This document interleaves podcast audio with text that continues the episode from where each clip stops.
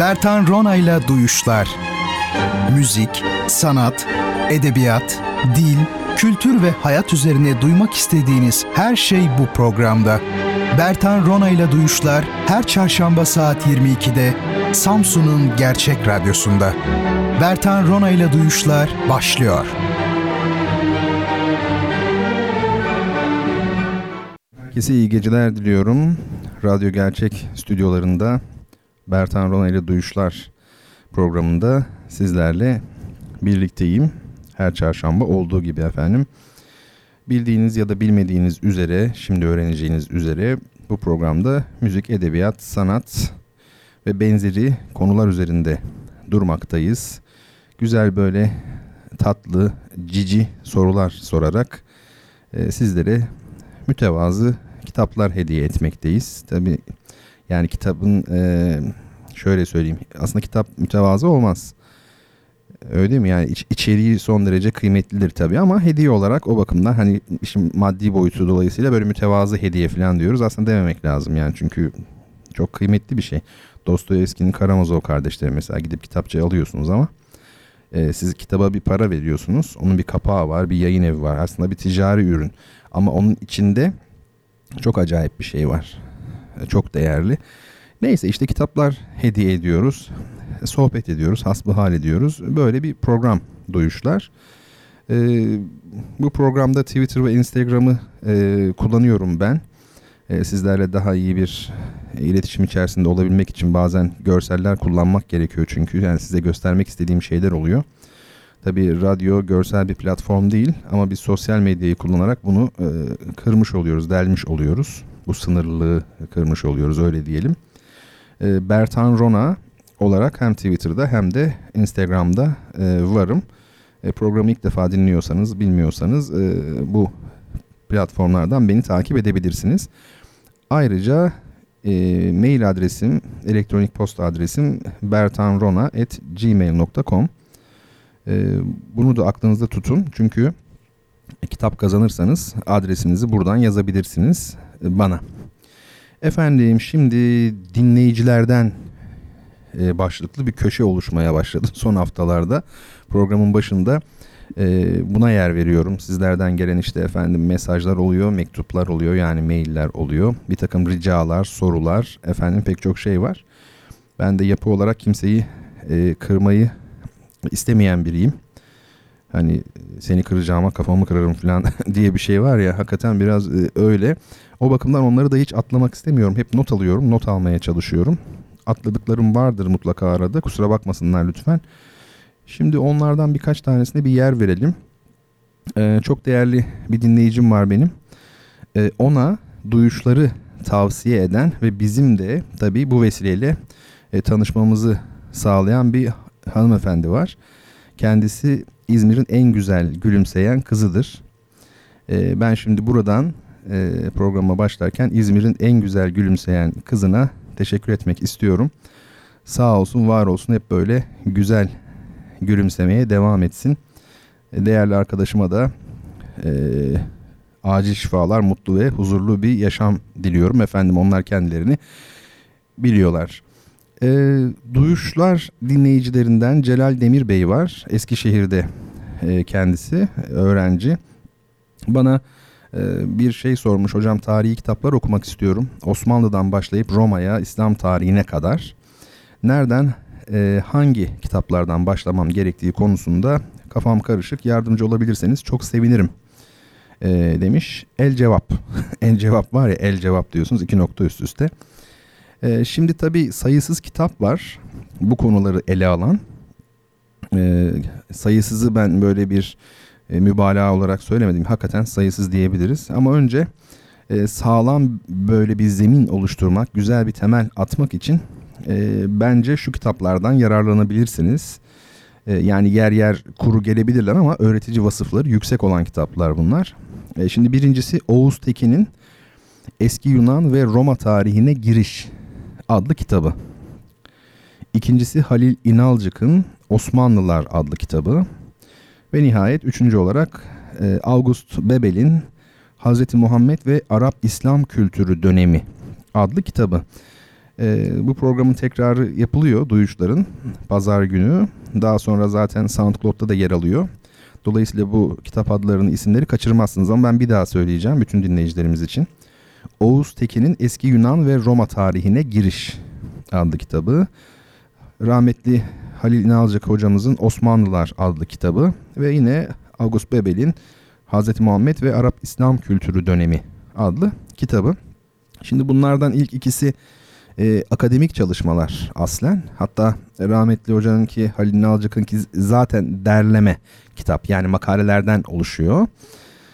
Ama çekinmemek lazım yani akademik kitaplar diye. O kadar ağır kitaplar değil kesinlikle. E, benim söylediğim bu sırayla gidilir ve bir de e, mesela e, çok ilginç olacak ama Halikarnas balıkçısının kitaplarıyla da bir müddet sonra e, kombine edilirse, kombin halinde şey yapılırsa, değerlendirilirse e, harika olur diye düşünmekteyim.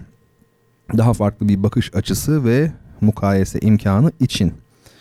E, bir de benim bir programım daha var. Geçmiş zaman olur ki diye bir program. Canlı yapmıyoruz. Banttan bir program o. E, orada ben 8 e, bölüm boyunca Osmanlı İmparatorluğu'nu anlatmış idim. Ama tabii ben kendim değil. O çünkü o programın konsepti farklı. Ben de tarihçi değilim zaten. Orada bir e, belli bir kaynaktan okumuştum. O 8 bölüm istifadeye şayandır. Yani oradan da çok Osmanlı ile ilgili derli toplu ciddi bir çalışma dinlemiş olursunuz diye düşünüyorum.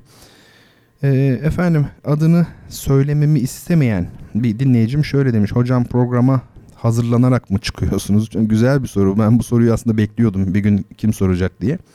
Ya hazırlanmaz mıyım? Tabii ki hazırlanıyorum. Yani Instagram'da paylaştığım fotoğrafları görüyorsunuz.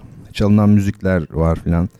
Ee, sonra hangi kitabı tanıtacağımı işte biliyorsunuz bu resim analizi meseleleri, şiir okuyorum, hikaye okuyorum. Bunları önceden tabii ki e, belirlemek gerekiyor yani. Ama e, daha çok bu tür böyle kırtasiye diyelim, kırtasiye tipi hazırlıklar oluyor. Yani onun fotoğrafını çekip yüklemek falan tarzı. Yani yoksa işte ne anlatacağım hani yazayım da ona göre bir tamamen okuyayım gibi bir şey yok. Onu kendi bilgi birikimimle tamamen samimi, e, irticalen eskilerin dediği gibi yani doğaçlama olarak gerçekleştiriyorum. Yani sizin anlayacağınız e, bu kırtasiye yani malzeme falan meseleleri dışında sadece önümde konu başlıkları var. Şu konu, bu konu, bu konu yani gibi şeyler. E, içini doldurması da tabii bana ait oluyor. Çerçeveyi yapmış oluyorum o kadar. Ee, bu arada son bir şey söyleyeyim unutmadan. Ben sizin isteklerinizi unutmuyorum. Ee, hala bekleyen istekler var çünkü. Akla işte acaba hoca unuttu mu falan diye gelebilir doğal olarak. Mesela unutmuyorum yani şey var mesela Gaudi var, Zweig var, Rhein Katedrali var. Bunlar hep istendi. Onları hatırlıyorum. Ee, onlar not alınmış şekilde e, duruyor ama onlara da sıra gelecek inşallah. Ee, hiç merak etmeyin efendim. Şimdi bu e, gece 3 tane hediye kitabımız var. E, bir tanesi siz daha iyi görüyorsunuz şu an. Neyi? Tezer Özlü galiba değil mi? Öbürü meşhur Cyrano de Bergerac. Bir tanesi de üçüncü kitapta benim yine kitabım İstanbul Koşukları. E, üç soru soracağız bu gece yine ve buna Twitter üzerinden zaman zaman Instagram'dan e, cevap veren dostlar oluyor. Ben tabi onu geç fark ediyorum bir de filan böyle bir e, durum oluyor yani. O yüzden lütfen Twitter'dan yazınız. Instagram'ı hiç bilmiyorum ve kullanmıyorum çok. Sadece işte bu program için kullanıyorum. Bu kitaplar tabi Tezer Özlü için fazladan bir şey söylemeye gerek yok. E, Cyrano de Bergerac için de gerek yok. Yani hepsi bilinen şeyler. E, benim kitabımla ilgili aslında bilinmediği için onun üzerine konuşmak lazım ama onu da ben sevmiyorum konuşmayı, utanıyorum. O yüzden kalsın. Ama şunu söyleyeyim, Cyrano de Bergerac efsanedir. Yani o Mücap Ofluoğlu'nun e, yorumuyla e, hani No Mercy var ya meşhur. O tabi istemem eksik olsun diye çevirmiş. Yani e, hayır teşekkürler no mercy istemem eksik olsun. Çeviri tabi birebir yapıldığı zaman olmuyor yani çok kötü oluyor birebir çeviriyorsunuz. A dolphin is a clever animal. Bir yunus zeki bir hayvandır. Şimdi ecnebi yani ya da İngiliz diyelim yani bunu böyle söylüyor ama biz bunu Türkçe'ye böyle çevirirsek bir yunus zeki bir hayvandır olmaz. Tam tersi tekil ya onlarda bizde çoğul. Yunuslar zeki hayvanlardır. Bak ne oldu? Tekili çoğul çevirdim. E, böyle işte bu iş. Neyse. Ee, şimdi efendim kitaplarımızı da böyle tanıtmış olalım. Bugün eski kitaplardan çok kısaca söz edeyim size. eski kitap bir inanılmaz bir şeydir tabii. Tabii eski kitap derken nasıl bir eski kitap? Yani el yazmaları var. O tabii ki e, bizim boyumuzu aşan şeyler bunlar. İşte Süleymaniye Kütüphanesi'nde ya da işte efendim İngiltere'de British Library'de oluyor bazen öyle mesela diyelim ki 12. yüzyıldan kalma bir e, İran kitabının el yazması mesela ya da Mesnevi'nin işte 3 orijinal el yazmasından bir atıyorum tamamen. İşte o British e, Library'de hani var ya şuraya tablo şurada burada gibi. Bunlar el yazmaları çok tarihi kitaplar. Ee, işte mikrofilmler bunları bir şekilde dijital ortama aktarılmış halleri falan var. Bilim adamı olarak gittiğiniz zaman kütüphanelere o kurallara göre bu kitaplar üzerinde çalışıyorsunuz. Sosyal bilimcileri özellikle tabii kastediyorum. Onun da kuralları var.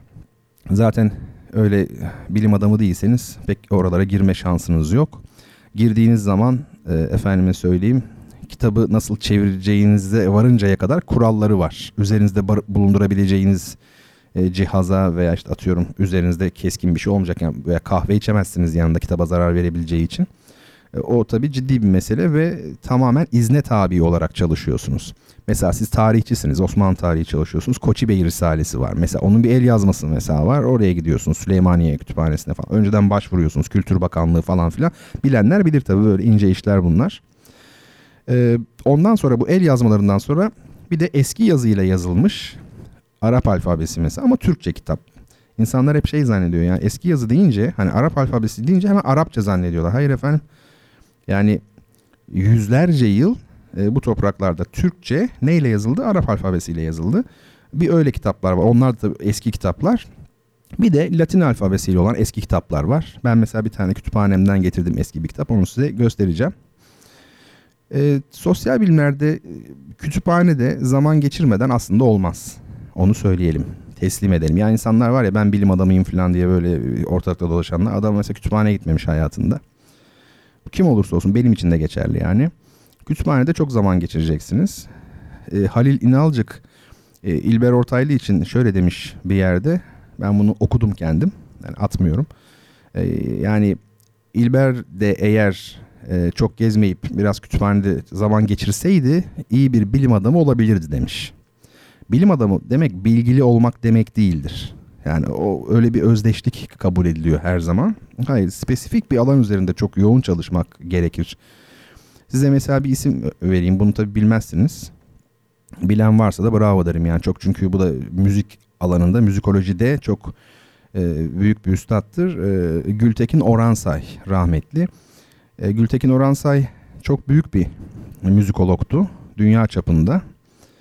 E, Orta Doğu'nun ikinci müzikolo, do, müzikoloji doktoruydu. Türkiye'nin de e, ilk. Öbürü kim acaba? Öyle hani iki diyoruz ya hiç düşünmedim. Ya yani bakmadım. Mısır filandır muhtemelen. Ya Mısır ya İran herhalde başka yer olmaz. E, Gültekin Oransay'ın tabii çok eşsiz özellikleri var. Tabii Arapça, Farsça, İngilizce, Almanca ve Türkçe'ye bir dil bilimci gibi neredeyse hakim olma meselesi. Tarih tabii çok iyi bilme, iyi müzik bilme filan. Bir de büyük bir okuma tutkusu varmış Orhan Sayın.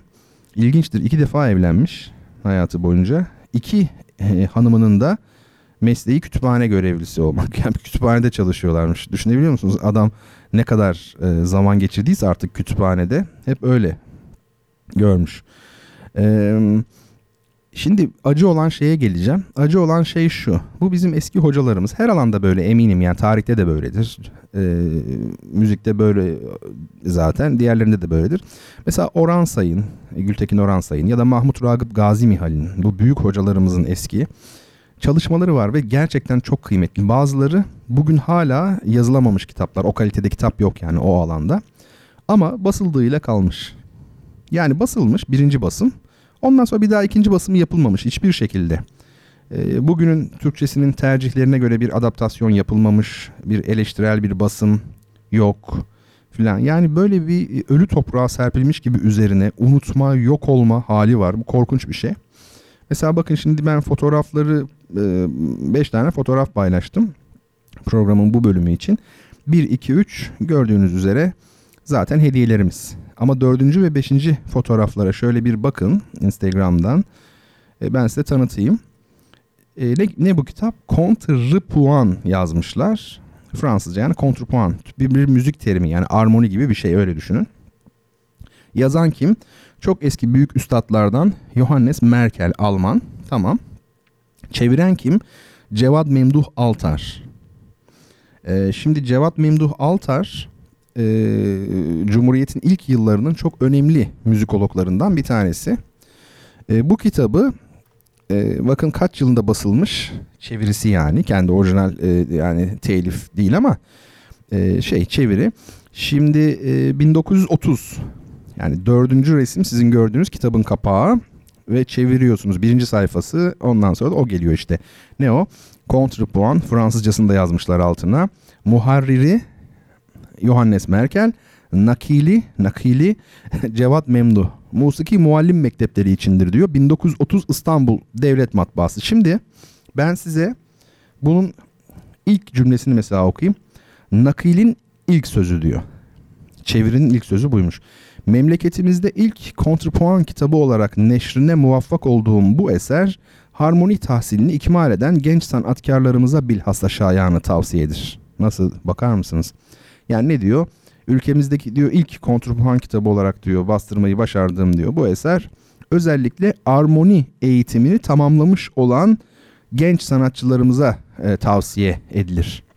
Yani onu bitirmeden buna geçmeyin diyor. Şimdi e, bir daha basımı yok. Böyle kalmış bu kitap. Günümüzün e, Türkçesine bir adapte edilerek, ha, bana göre bu daha lezzetli. O ayrı dava da adapte edilerek yani niye şu an mesela bizim kompozisyon bölümlerimizde bestecilik okuyan e, pek çok talebe var konservatuvarlarda. Bestecilik bölümünde mesela onların ciddi manada istifade edebilecekleri bir kitap. Ama yok. 30'da basılmış kalmış öyle. Düşünebiliyor musunuz ya? Korkunç bir şey. Ne demek ya 1930 88 yıl olmuş. İnanılır gibi değil. Yani diyeceğim şu buradan hareketle. E, bu ülkede gelenek nasıl oluşsun? Çok zor geleneğin oluşması. Süreklilik e, hali yok çünkü. E, bizde bir süreksizlik söz konusu. Yani mesela tarih boyunca e, çok fazla alfabe değişikliği yapmışız. Yani yaklaşık 10 alfabe diyebiliyorum. O Yunanlara bakıyorsunuz. Yunanlılara. E, işte herhalde o dönemde kullanılan bu e, şey felsefe döneminde yani eski milattan önce 4. yüzyıl 5. yüzyıl kullanılan alfabeyle bugün kullandıkları aynı. Ee, tabii bunda şeyin de etkisi var. Asyatik bir göçebe kültürü. Yani sürekli bir hareket hali var. Ee, bugün İstanbul da böyledir. Bakın İstanbul'a e, yani o ünlü bir söz bilirsiniz belki şimdi 60 olmuyor ama bir yerden kulağıma çarptı o. Hani almışsınız da 500 yılda yerleşememişsiniz demiş ya bir yabancı bir bilim adamı artık e, kimse. İstanbul'u almışsınız 500 yıl önce ama hala yerleşememişsiniz diye. E, sürekli bir şeyler değişiyor. Değiştiği için hani şöyle şeyleri yaşayamıyorsunuz. Mesela işte Macaristan'a gittiğinizde veya Fransa'ya gittiğinizde bir restorana giriyorsunuz. İçeride böyle 7-8 tane e, fotoğraf, portre asılı.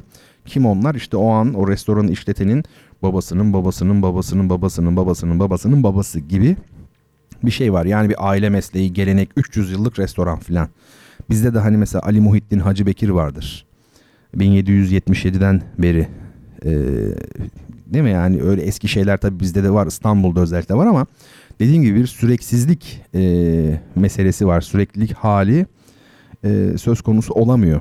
Bu bir e, sıkıntı. Tabii göçebe olduğunuzda göçmen başka göçebe başka buna da dikkat etmek lazım. Göçebe kültüründe tabii bir yere gidiyorsanız yanınıza çok şey almazsınız doğal olarak ve az mülk edinirsiniz. Bu da işin felsefi boyutu biraz e, dini boyutu. Çünkü zaten taşınacağınızı o şeyin size ait olmadığını bilirsiniz göçebelikte.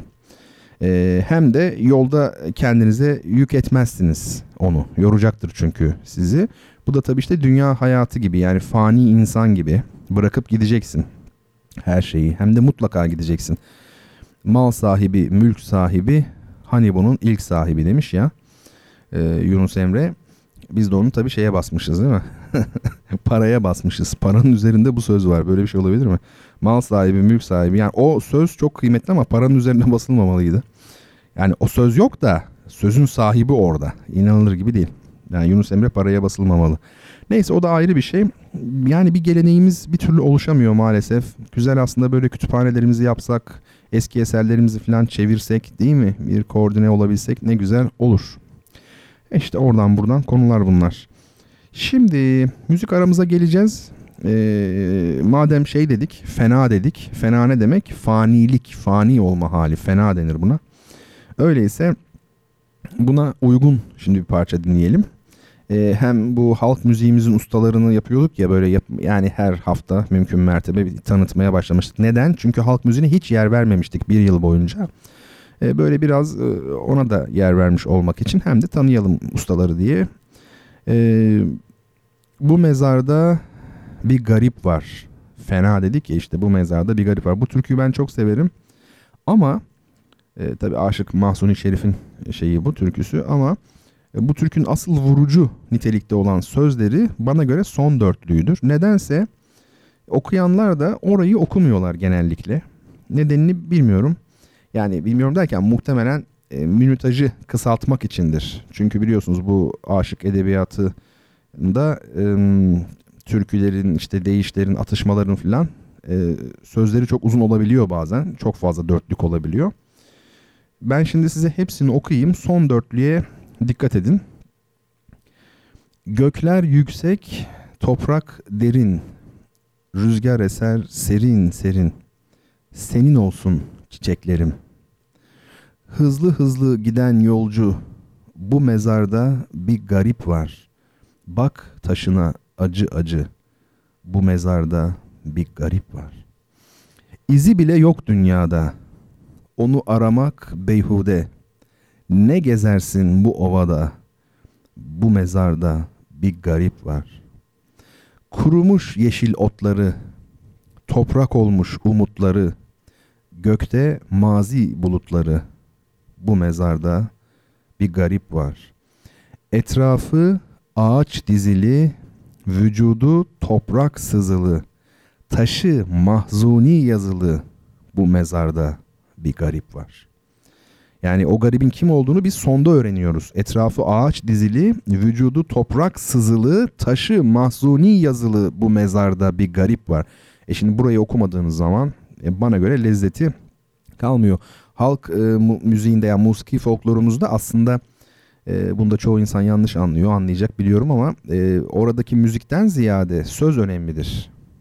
Tabii çünkü zaten 3-5 tane şeyler belli, makamlar, ayaklar e, belli.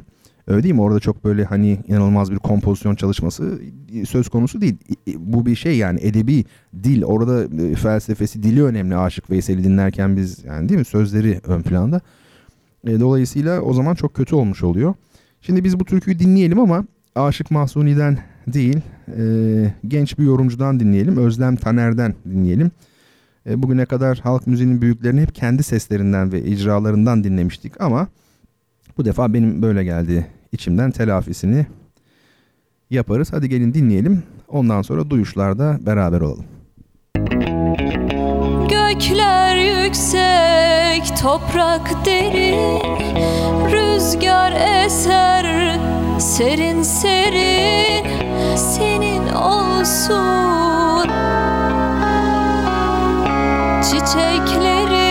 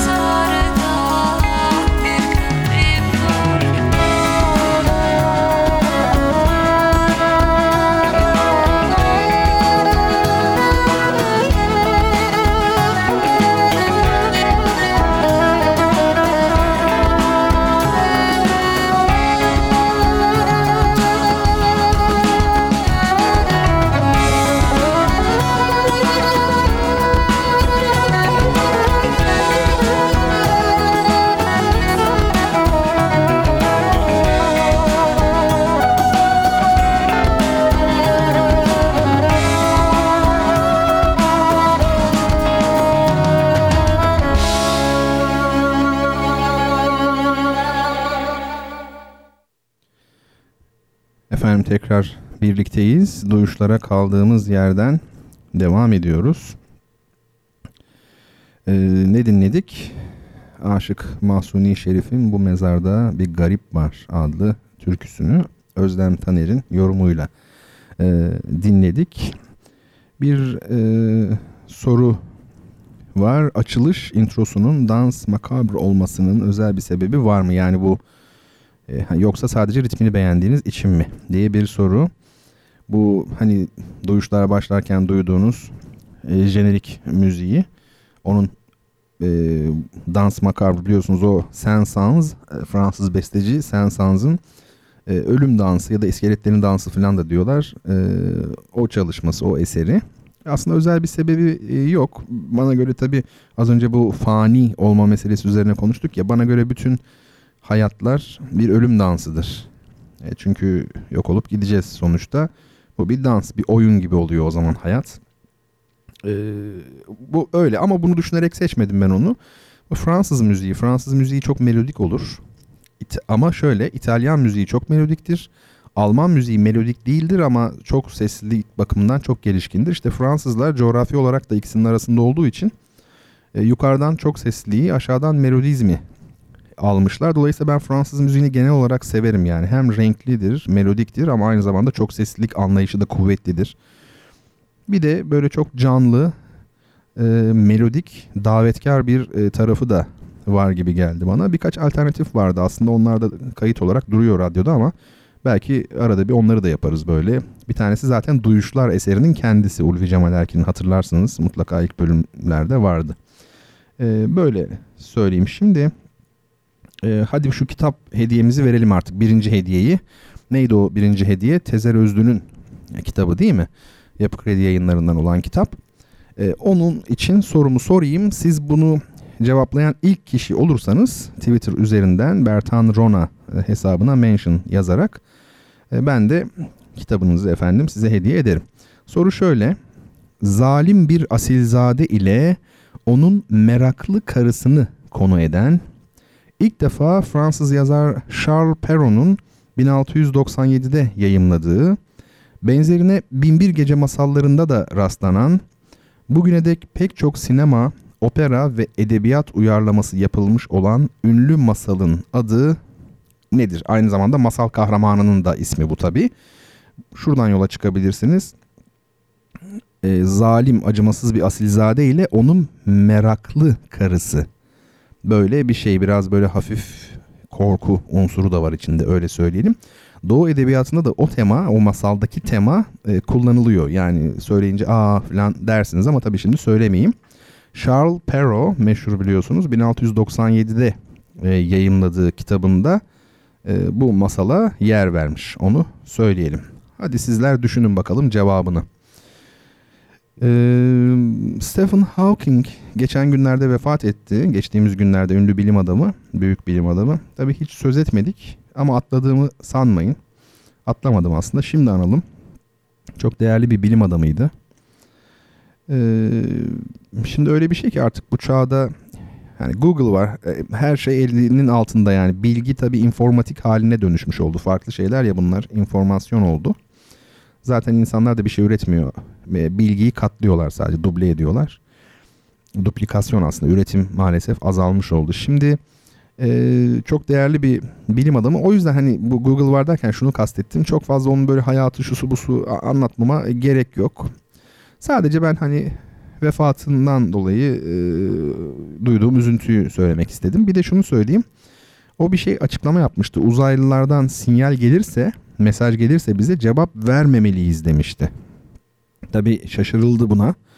İnsanlar Allah Allah falan niye ya ne güzel uzaylılar mesaj vermiş falan. Bize mesaj göndermiş niye cevap vermeyelim diye düşünüyorlar. Ama e, bu sözün devamı şöyle. Hawking şöyle diyor. Uzaylılardan diyor sinyal gelirse bir medeniyetten cevap vermemeliyiz. Çünkü diyor onların buraya gelmesi e, Kristof Kolomb'un Kuzey Amerika'ya gitmesi benzeri bir şey olur ve bildiğiniz gibi diyor bu işin sonu Kuzey Amerika yerleri için hiç de iyi olmamıştı diyor. Aslında çok doğru söylüyor. E, çünkü Ee, hani iyi bir, bizden daha üstün bir medeniyet yani gelişkin teknolojik manada bir medeniyet olacağı kesin mesaj gönderdiklerine göre onlar başardıklarına göre bunu. Çünkü uzaklık itibariyle pek mümkün değil onu söyleyeyim. En yakın yıldız 3 ışık yılı uzaklıkta yani. Ee, bizden daha üstün olacaklar ve dolayısıyla Kristof Kolomb sonrası Kuzey Amerikalılara yapılanlar gibi e, bizler de bunları e, yaşayabiliriz yani. O yüzden romantik yaklaşımlara çok gerek yok yani yaşasın ne güzel biz de mesaj gönderelim filan. Gerçi gönderildi biliyor musunuz? Ünlü piyanist Glenn Gould'un e, Bach yorumlarından o Bach çalıyor Glenn Gould e, o varmış. İşte 20-30 dilde merhaba falan gibi şeyler varmış böyle olaylar. Ee, biz tabi insan olarak kendi türümüze bu kadar ezayı cefayı mübah görüyorsak e, gelenler de bize acımasız davrandığında bundan şikayet etme hakkımız olmaz herhalde. Efendim sizler herhalde değil mi şey yapıyorsunuz hala cevapları yazmaya çalışıyorsunuz. Zor bir soru gibiydi sanki değil mi? Biraz zor sordum onu kabul ediyorum. Ee, Rabia Hanım demiş ki hocam yarın iki tane sınavım var ama duyuşmadan vize haftası geçmez. Çok teşekkür ederim. Ee, sağ olun teveccüh ediyorsunuz madem dinliyorsunuz. Ee, keşke şey olsa değil mi bir tevafuk olsa mesela yarın sınavdaki iki ayrı sınavdaki konuların bir kısmı bugün geçse duyuşlarda tesadüfen. Yani tevafuk ne güzel olur ama tabii düşük bir ihtimal. Evet e, soru zor bir soruydu. Kitap hediyeli e, sorum. Şöyle bir ipucu vereyim size. Ünlü bir masal. Birkaç tane de operası var bununla ilgili bu, yani bu masalın. Onun üzerine yazılmış. Türkiye'de bakın ipucu veriyorum şimdi size. Büyük ipucu vereceğim. Türkiye'de bir ünlü bir topluluk var. Rock müzik topluluğu. O topluluk işte bu masalın adını almış. Daha yani bundan büyük ipucu değil mi? Verilmez. Peki şimdi geçtiğimiz günlerde ne oldu? Pazartesi günü yani pazarı pazartesiye bağlayan gece Türk Edebiyatı'nın çok büyük şairlerinden Ülkü Tamer vefat etti. E, biz de birkaç program önce değil mi siz de hatırlarsınız kendisini anmış ve şiirlerinden okumuştuk. Ee, içimizde de olmuş yani malum olmuş demek ki. Çok değerli bir şairimizdi. Yani bu klişe bir ifade gibi gelebilir ama hakikaten çok büyük bir şairdi. Ee, Türkçe e, şu an yaşayan yani şu an derken 3 gün öncesine dönelim bir an. En orijinal şairlerden biriydi belki. Türkçenin yaşayan en orijinal şairlerinden biriydi. Vefat etti.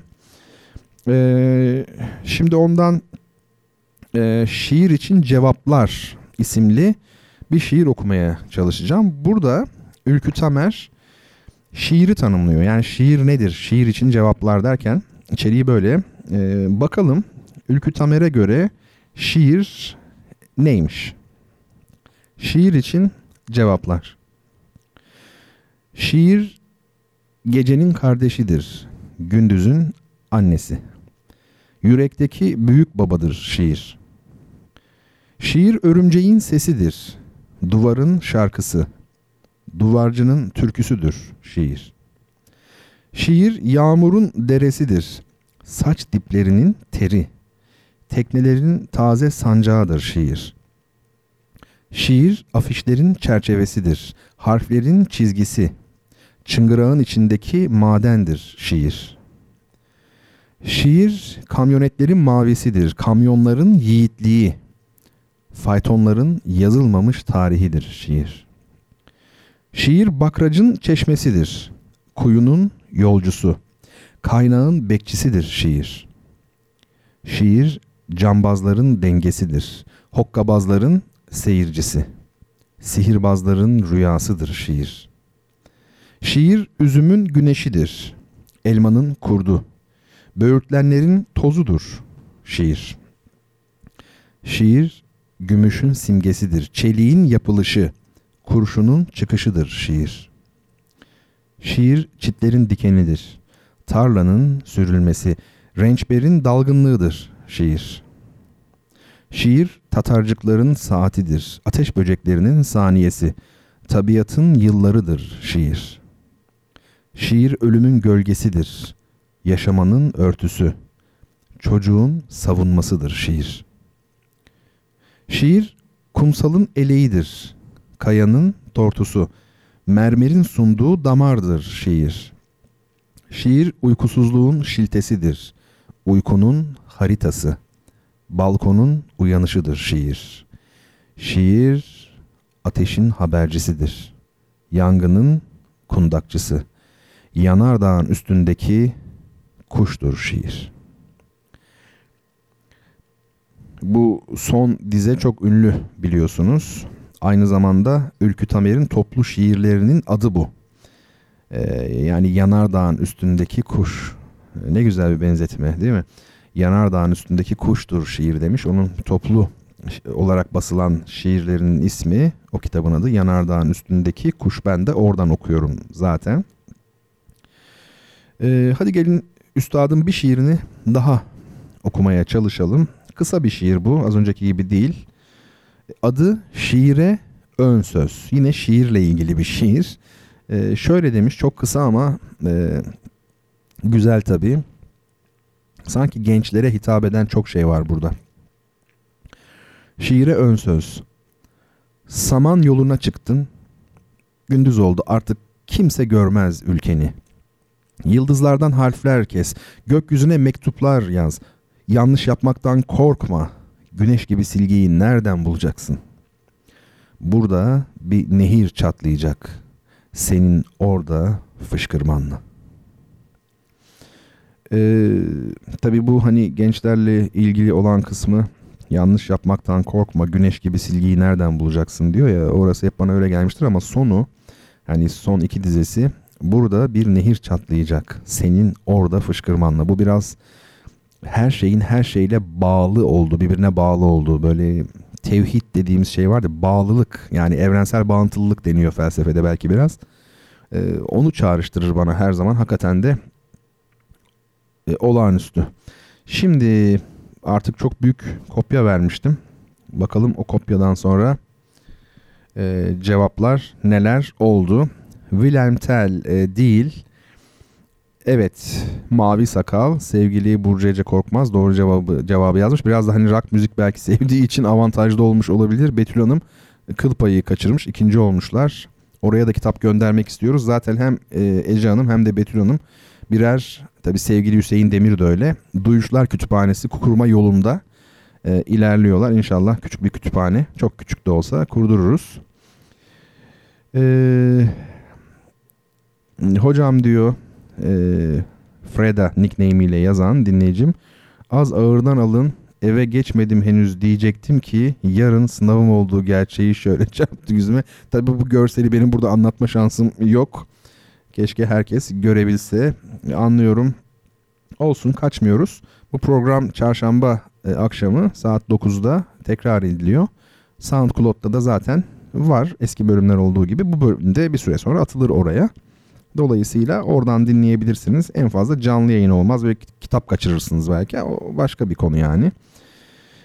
Ee, evet sevgili Ece'nin adresi var bizde o yüzden yazmasına gerek yok. Kitabını göndereceğiz biz tabii ki kendisine. Şimdi size çok güzel bir müzik çalacağım ama e, ya gerçekten çok güzel. Ben ne yapayım yani? Olağanüstü, olağanüstü, olağanüstü. Toplaşın hepiniz ve bu müziği dinleyin ama öncesinde ben size biraz tanıtayım besteciyi ve piyanisti. Şimdi Arensky diye bir besteci var. 1861-1906 yılları arasında yaşamış Rus bir besteci. Yani demek ki ne oluyor işte Tchaikovsky'den 21 yaş küçük oluyor. Romantik akıma mensup tabii ki. Ya bu konuları da kafanıza çok büyütmeyin yani romantik akım, klasik akım çok basit. Hemen söyleyeyim kabaca söylüyorum tabii çok kabaca. 1750 öncesi barok deyin. 1750'den 1800'e kadar klasik. 19. yüzyıl yani 1800'lerden itibaren neredeyse tamamen 1880-85'lere kadar e, tamamı hatta romantik dönem. 1890'larda itibaren de şey var bu modern müzik başlamış oluyor. Önce empresyonizm, izlenimcilikle beraber. E, Arensky romantik dönem tabii bestecisi olmuş oluyor. E, o dönemde moda olan tabii şekilde tam Fransız tandanslı bir entelektüel ve sanatçı. Yani Rusya'da çok moda özellikle yani Fransızca bilmek falan filan var ya. Müzikte de öyle yani Fransız beğenisi, zevki ya da İtalyan.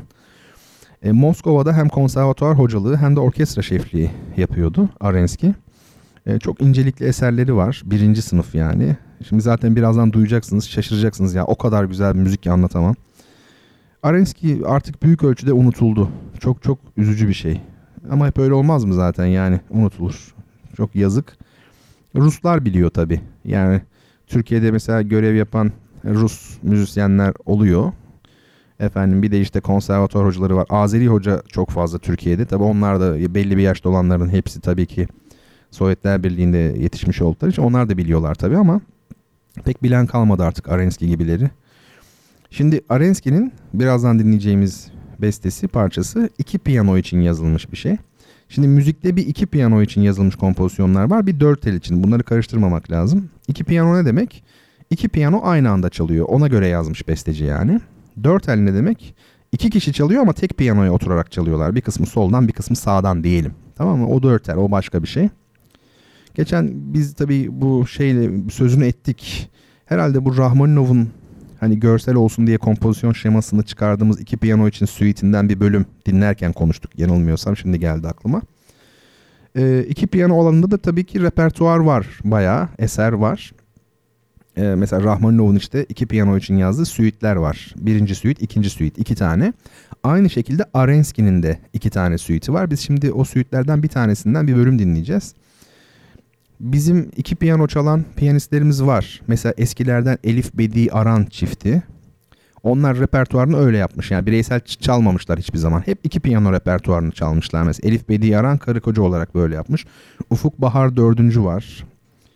Ee, ve tabii en ünlü belki diyebileceğimiz Güher Süher Pekinel kardeşler var. Ee, onlar da Almanya'da herhalde bilmiyorum. Ee, hep böyle iki piyano repertuarı yapan, e, duo olarak çalan insanlar, e, müzisyenler. Gençlerden tabii vardır yeni gelenler ben bilmiyorumdur. Şimdi müzik zaten çok güzel onu söyledim de asıl önemli yere geldik. Çalanlar kim? Şimdi birazdan dinleyeceğiniz müzikte kim çalıyor? Çok çok çok e- enteresan. Ee, Lubov Brook, Lubov Brook ve Mark Taymanov. Allah Allah şimdi nesi enteresan değil mi? Yani iki tane tanımadığımız isim. Kim bu mesela Taymanov? Duyuşların bir bölümünde adı geçti ama ilginçtir müzisyen olarak değil. Şimdi sıkı durun ne olarak geçti biliyor musunuz? Satranççı olarak geçti. Ben çok ciddiyim hiç şaka yapmıyorum. Hem de dünya şampiyonluğu unvan maçı için oynayan bir isim olarak geçti. Bobby Fischer'la karşılaşıp da yenildiğini söylemiştik yani. E, Mark Taymanov ünlü satranç şampiyonlarından. E, Sovyetler Birliği satranç şampiyonluğunu kazanabilmiş az sayıda insandan biri ve dünya şampiyonluğu adaylığına kadar yükselmiş. E, şimdi aynı zamanda e, Taymanov böyle inanılmaz bir adam. 20. yüzyılın önemli e, konser piyanistlerinden biriydi Mark Taymanov. Yani hem en iyi satranç ustalarından biri hem de büyük konser piyanistlerinden biri. Valla e, dostlar ben size bir şey söyleyeyim mi? Bu deha ister yani öyle kolay iş değil bu. Çok büyük bir olaydır yani kabul edelim. Mucize gibi bir şey. Çok az örneği var böyle şeylerin.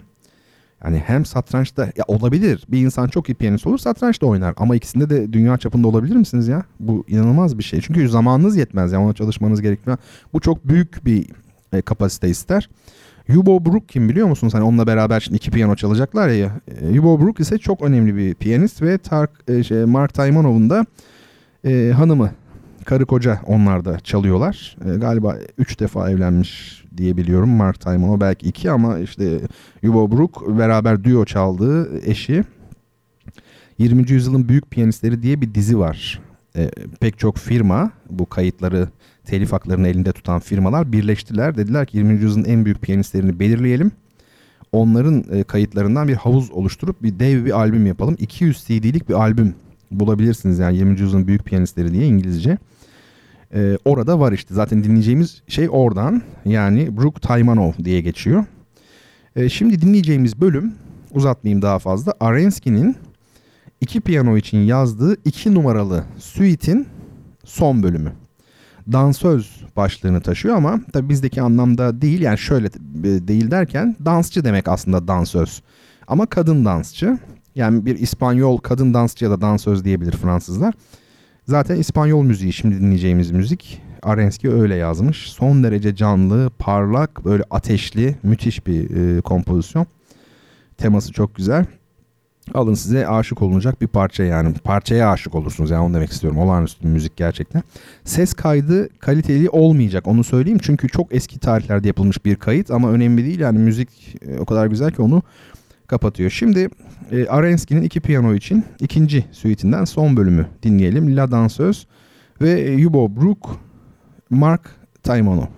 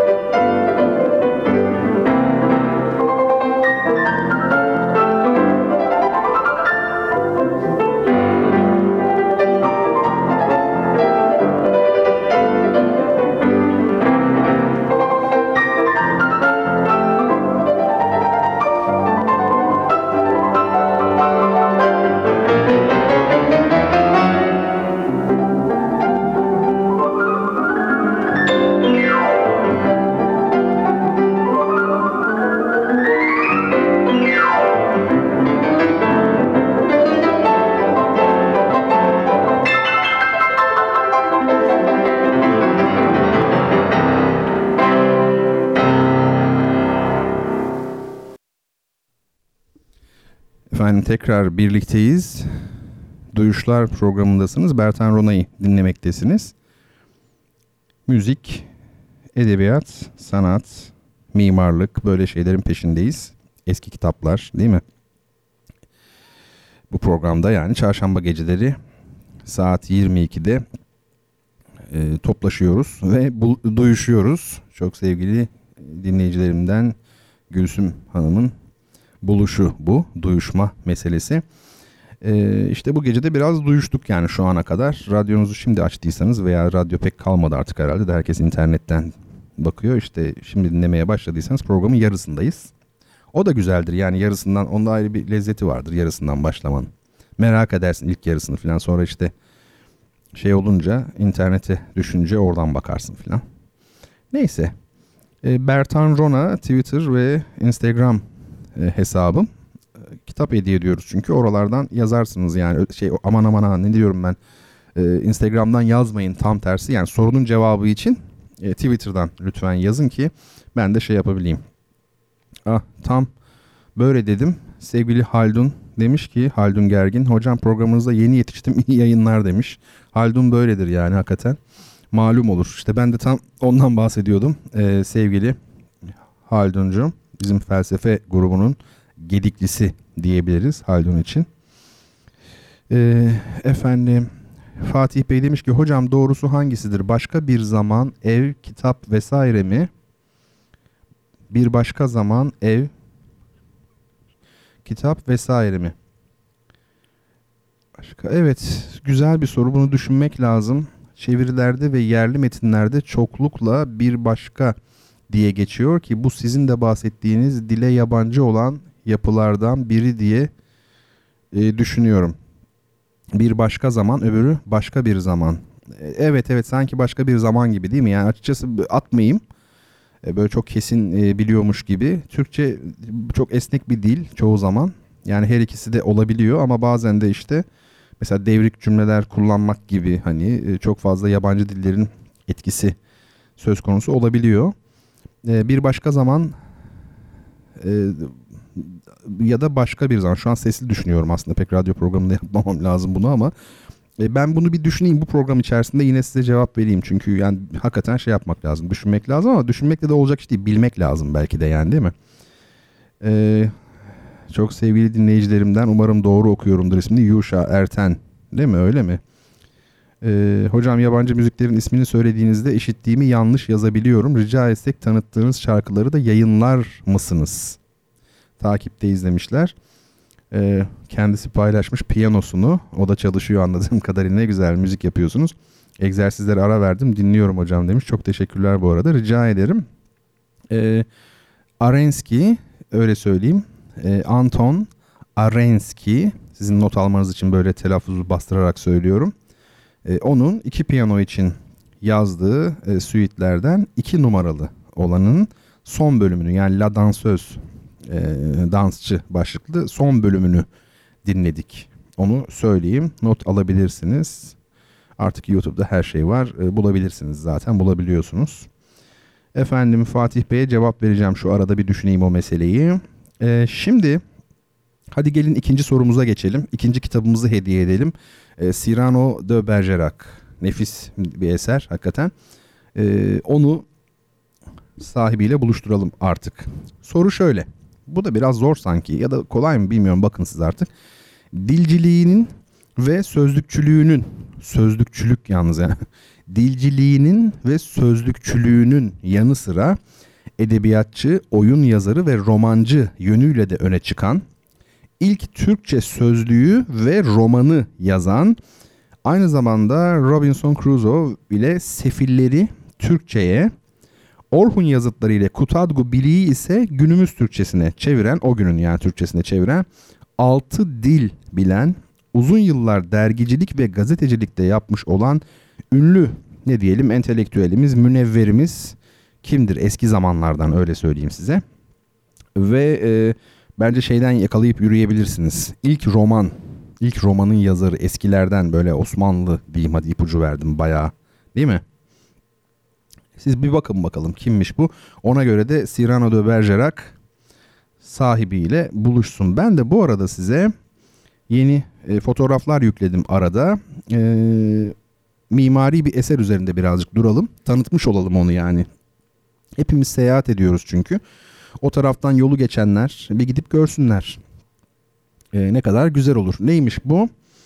Efendim İzmir'de İzmir'in Ödemiş ilçesinde Birgi Çakırağa Konağı var. Ödemiş Birgi Çakırağa Konağı.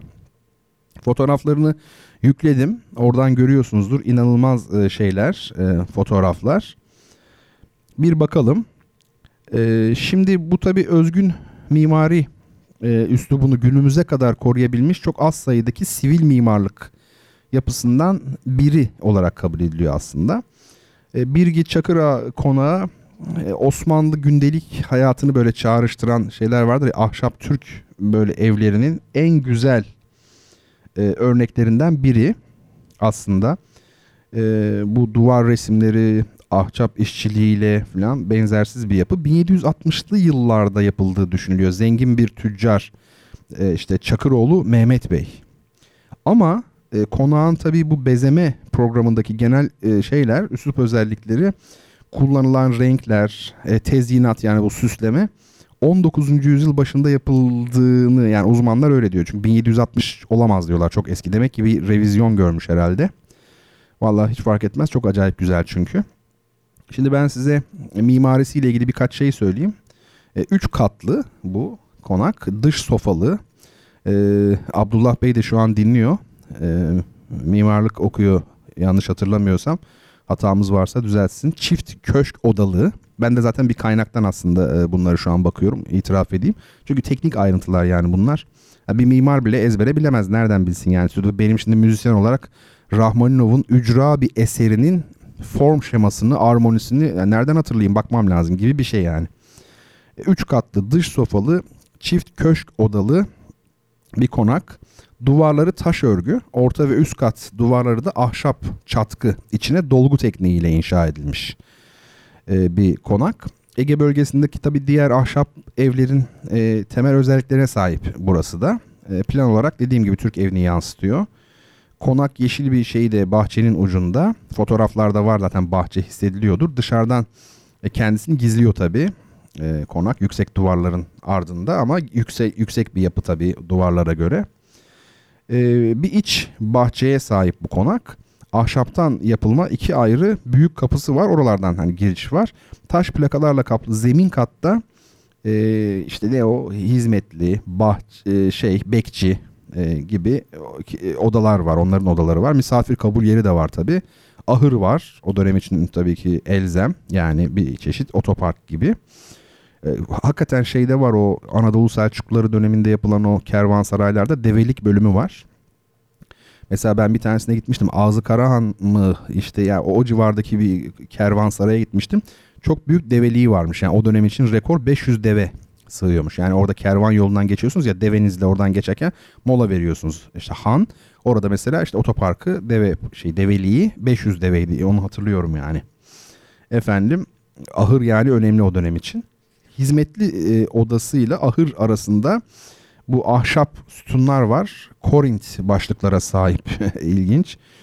E, zemin kattan yukarıya trabzanlı ahşap merdivenle çıkılıyor. Tabi fotoğraflarda bunları net göremiyorsunuzdur muhtemelen ama ee, yine de fotoğraflar etkileyici yani inanılmaz bir şey e, görüntü.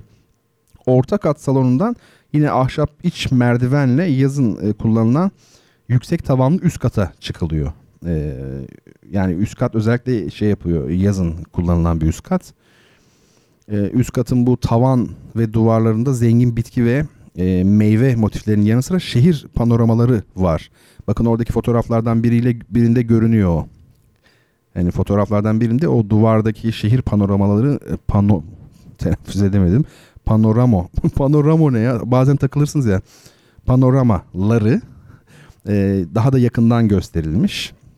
Bu Ramo var ya bu en çok piyanoda olur. Piyano, piyona. O çok iyidir. Piyona. Piyona mı çalıyorsunuz falan diye. Bazı şeyler var böyle mesela. Ha bir de şey var. Yani Anadolu'da genelde çok yaygın bu. Hani binalar mantolanıyor ya mantolama var. Montalama diyorlar. o çok güzel. Montalama binanın montalaması mesela müthiş. Bir de ebeveyn banyosu yerine ebeğin banyosu var diyor adam. Yani ebeğin banyosu. Buna ama yerleşmiş yani şeyler. Efendim bu üçüncü katta uzatmayayım şu azmettim yani bu tanıtacağım size yapıyı. Üçüncü katta kata e, merdiven kapağını kaldırarak e, çıkıyorsunuz. İkinci katta da böyle çok gerçekten ustaca bir duvar ve tavan süslemeleri e, var. Kalem işleri var.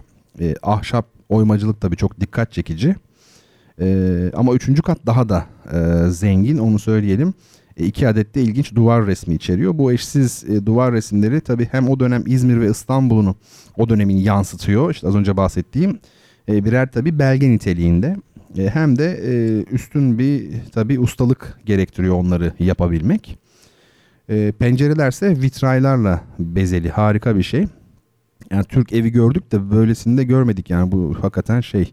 Tabii şu an böyle çok gerçekçi durmuyor olabilir.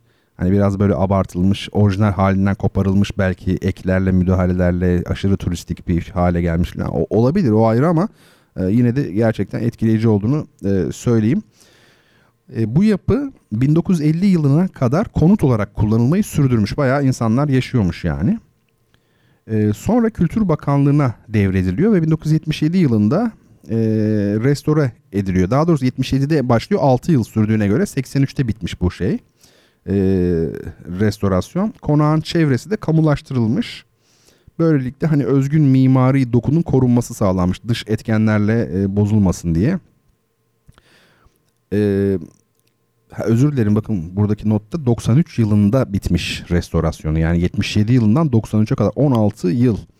Tabii ben e, bu işin eksperi değilim yani bu layığınca yapıldı mı bu restorasyon. Mutlaka uzmanlarımız yapmıştır güzel bir restorasyon diye düşünüyorum. E, bu e, konak Birgi Çakıroğlu konağı ödemiş. Birgi Çakıroğlu konağı. E, tabii günümüzde müze onu da söyleyelim. E, meraklısına Ege'nin e, gündelik yaşamını yansıtan e, bir yapı. Ödemiş şey yolunuz düşerse demek istemiyorum. Aslında bir de niye yolumuz düşünsün yani gidelim. Sadece görmek için de olsa gidelim yani. Bir ha diyeceksiniz ki ya nasıl gidelim Ödemiş'e sadece bir e, yapı görmek için bir eser görmek için? Ya öyle değil mesela. Araştırırsın kardeşim. Bir takım rota yani kendine bir rota belirlersin. O rotanın üzerinde mesela Ödemiş'ten Tire'ye Tire'den bilmem nereye falan Selçuk'a şu bu. Oralarda mutlaka hani bir takım eserler belirlersin ya, e, geç, geçtikçe mesela onlara uğrayarak güzel de bir gezi olur. Keşke insanın, insanın şeyi olsa, karavanı olsa. Değil mi ne güzel olur karavan. Kervan var ya kervan. Karavan oradan geliyor aslında yani. E, kervan kelimesi ni ecnebiler e, almışlar karavan yapmışlar yani böyle bir şey. E, evet efendim şimdi bir kitap daha tanıtacağım size o şeyde var. Yine fotoğraflarını yüklemiş olmam lazım. E, e, yanılmıyorumdur umarım. Alleben Öyküleri. E, bu kitap yine Ülkü Tamer'in bir kitabı. Ülkü Tamer pek öykü yazmış biri değildir. Az sayıdaki öyküsü bu kitaptadır. E, Alleben Öyküleri çok kısa ama çok ilginç, çok değişik ve çarpıcı dört öykü içeriyor yanlış hatırlamıyorsam.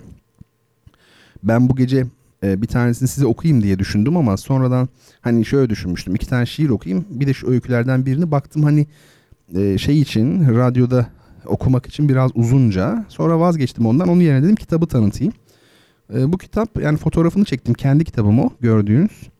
Ya şey böyle ben bunu eski bir kitapçıdan mı aldım yani eski kitapçıdan mı yoksa bilmiyorum hatırlamıyorum ama en sevdiğim kitaplarımdan biridir. Çünkü büyük bir e, zevkle okuduğumu hatırlıyorum. Öyküler gerçekten çok orijinal, dil çok orijinal.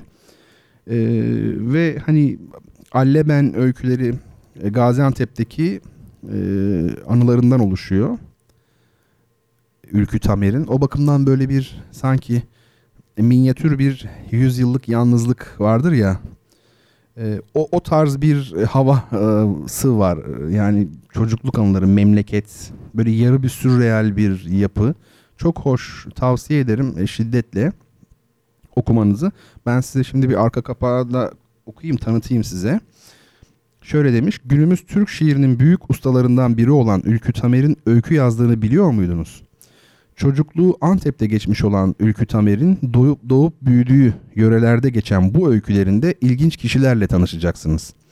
Allebe'nin suyunun 41 gün meyan şerbeti olarak aktığı, Gary Cooper'la arkadaşlarının bir sinemacının hayatını kurtardıkları, Çete İsmail'i görmeye gelen kadının kim olduğunun bilinmediği bir dünya anlatılıyor bu öykülerde.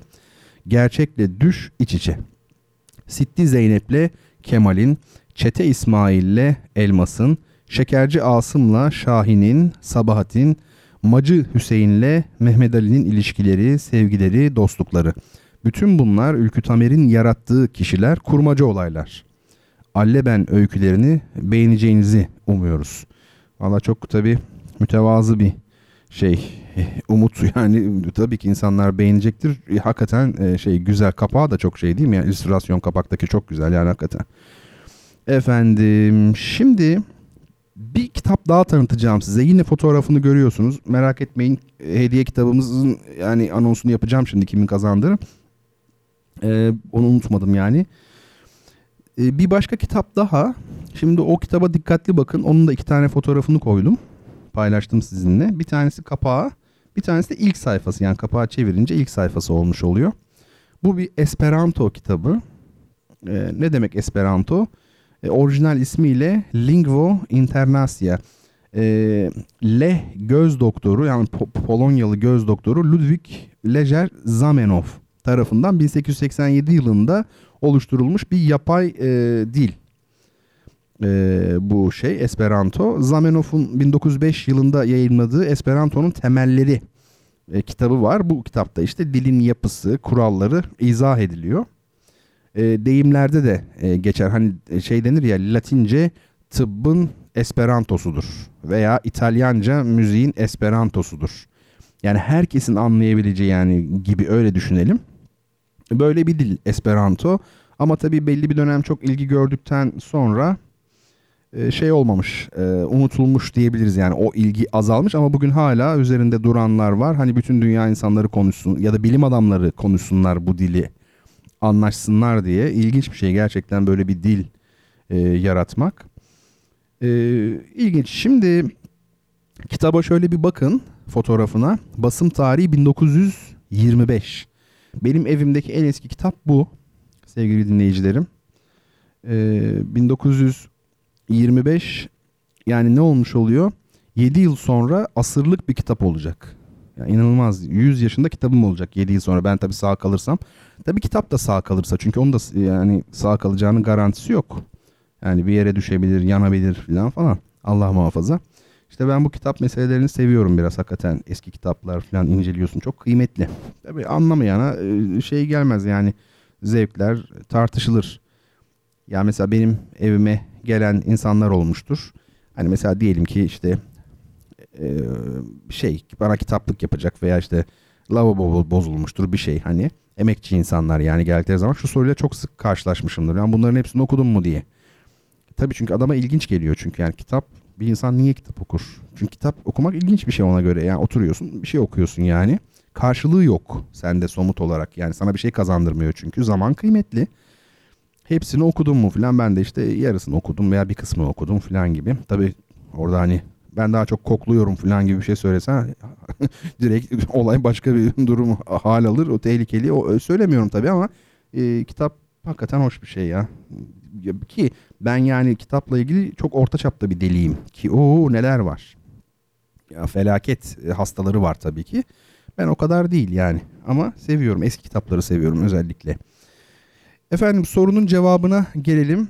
Bakalım kimler ne yazmış? Doğru cevap için bir bakıyorum. Evet Abdullah Bey yazmış. Aslında ben onu göz ucuyla görmüştüm. Abdullah Turgut o da bir e, duyuşlar kütüphanesi kurmak üzere olanlardan. Şemseddin Sami demiş. Evet Şemseddin Sami'dir. Türkiye'de ilk romanı yazan. Nedir romanın ismi? Taaşşuku Talatu Fitnat. Yani Talat. Ne demek? Talat'la Fitnat'ın iki bunlar bir erkek biri kız Fitnat ismi varmış. Biraz eskidi bugünlerde. Bunların taaşşuku yani karşılıklı aşık olmaları yani karşılıklı yani aşkışmak gibi bir şey ne bileyim günümüz Türkçesiyle öyle olur der. Yani karşılıklı aşk yaşamaları yani onu anlatıyor. İlk roman kabul ediyor Türk Edebiyatı'nda. Ee, cevap veren herkese çok teşekkür ediyorum. Teselli ikramiyesi de koymak lazım. Geçenlerde dedik ya çünkü kıl kaçıranlar oluyor hakikaten. Kaşgarlı Mahmut diyen olmuş tabii o şeyden dolayı ilk sözlük deyince haklı olarak öyle düşündünüz tabii. Ee, İbrahim Müteferrika diyen olmuş. İlginç İbrahim Müteferrika deyince aklıma bir şey geldi onu size söyleyeyim. Hani biz böyle matbaa diyoruz ya tab etme matbaa. Ya matbaanın ilk ismi ne biliyor musunuz? Ya İbrahim Müteferrika zamanında matbaa denmiyor. Basmahane deniyor. Çok güzel değil mi? E tabi basım evi yani basmahane. Basım evi ne demek zaten? Basmahane.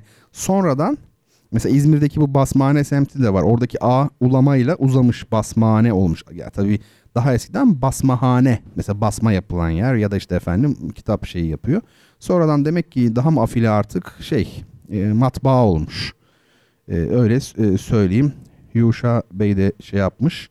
Şemsettin Sami demiş. Doğru cevaplar ama işte ilk yazan olsaydınız e, daha iyi olurdu. E, Sümeyra Hanım seni takip etti diyor. Hoş geldiniz Sümeyra Hanım. Böyle bir şey espri olsun diye söyledim tamam ama neler görüyorum neler bazen. Peki e, ben şu an e, Şemsettin Sami'yi cevabını veren herkese teşekkür ediyorum ve artık programıma devam edeyim ama sizlerden gelen şeyler de var. E, hocam maksat kitap vermekse Google'a sordum. Şemsettin Sami demiş. Kamusu hatırladım ama yazar yoktu demiş. Evet Kamusu Türkiye. Onun basımını da yaptılar. Kapı yayınları yaptı galiba son zamanlarda. E, kamusu e, Türkiye. Kamus sözlük demek. Yani kamus namustur derler ya eskiler. E, çok değerli tabii o Kamusu Türkiye. E, hakikaten çok çok önemli bir kaynak. 1901 galiba e, basımı. E, evet efendim şimdi peki e, sevgili Ece demiş ki ben Tezer Özlü'nün Yeryüzüne Dayanabilmek için kitabını okumuştum ve kütüphanemde var. Gönlünüzden geçen başka birine de hediye edebilirsiniz demiş. Engin gönüllü Ece. Ee, aslında cevap yazmayacaktım bilerek fakat Google'a bakmama dahi e, gerek kalmadığı için yazdım. Tabii tabii şöyle yaparız. E, o kitabı değil başka bir kitabı e, hediye ederiz bu, bu gece için.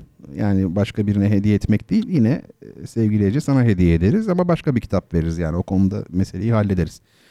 Efendim sorulara da böylelikle bakmış oldum aman atlamayayım. Şimdi bir müzik dinleyeceğiz yine. Ee, daha önce e, çok güzel bir Karadeniz müziği çalmıştık. E, bu programda Karadeniz halk müziği. Ama yalnızca bir tane. E, şimdi bir tane daha dinletmek istiyorum ben size. E, şunu bir tespit edelim önce. Karadeniz müziği denilince e, aklınıza hep hızlı tempolu şeyler geliyor ya böyle. Aslında bu pek doğru değil.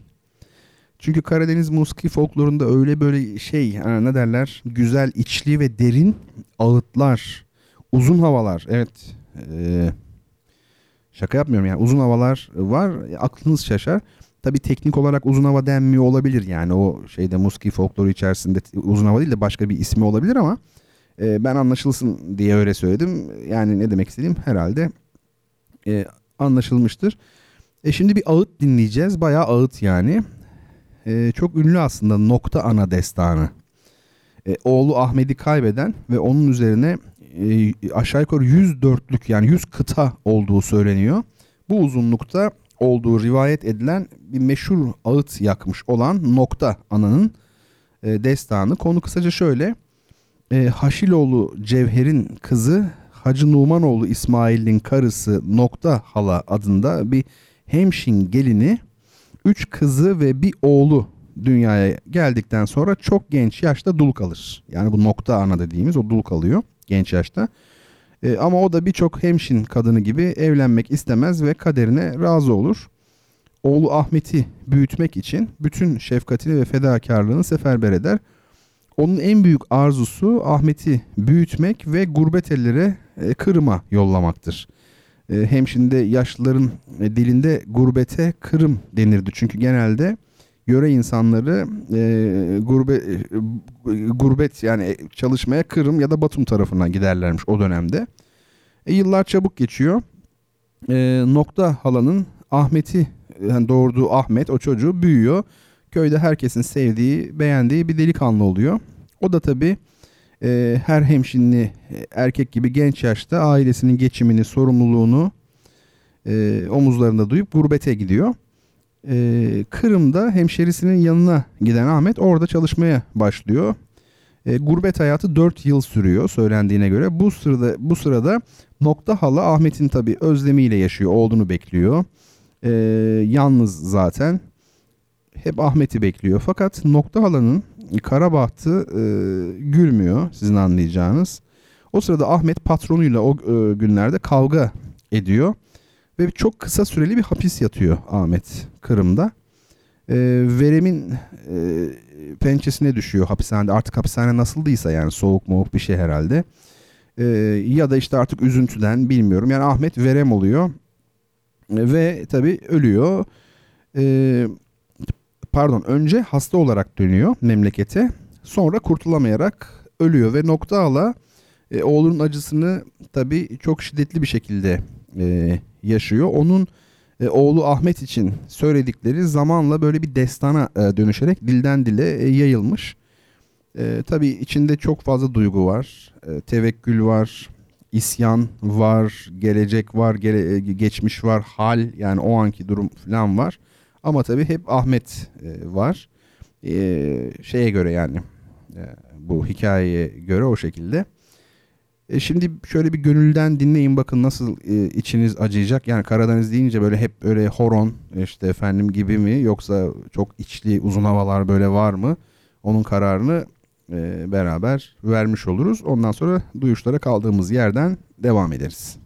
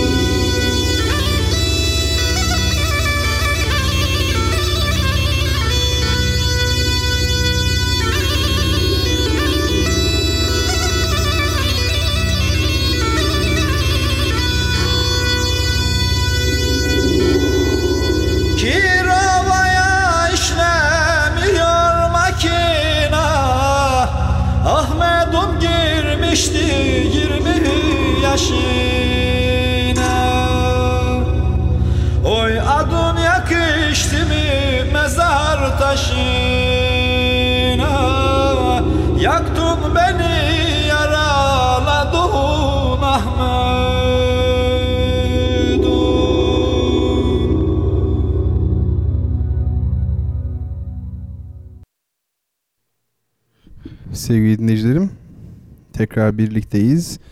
Duyuşlara kaldığımız yerden. devam ediyoruz. E, Gökhan Birben'in yorumuyla Nokta Ana destanını dinledik. Pek halk müziği çalmıyorduk programda ya son zamanlarda biraz e, örneklerini vermeye, üzerinde konuşmaya çalışıyoruz. E, ben Karadeniz'in Türkiye'nin çok az değerlendirilen e, bir bölgesi olduğunu düşünüyorum. Öyle Alplere falan gitmeye gerek yok yani. Eğer mesele dağ ve yayla görmekse, böyle bir tatil yapmaksa Karadeniz'in muazzam dağları, müthiş yaylaları, havası, suyu hepimize yeter. Hepimizi doyurur yani onu söyleyeyim ama önce tanımak sonra tanıtmak gerekiyor. Memleket için çalışmak gerekiyor tabi. Bununla kozmopolit olmak arasında bir zıtlık yok bence.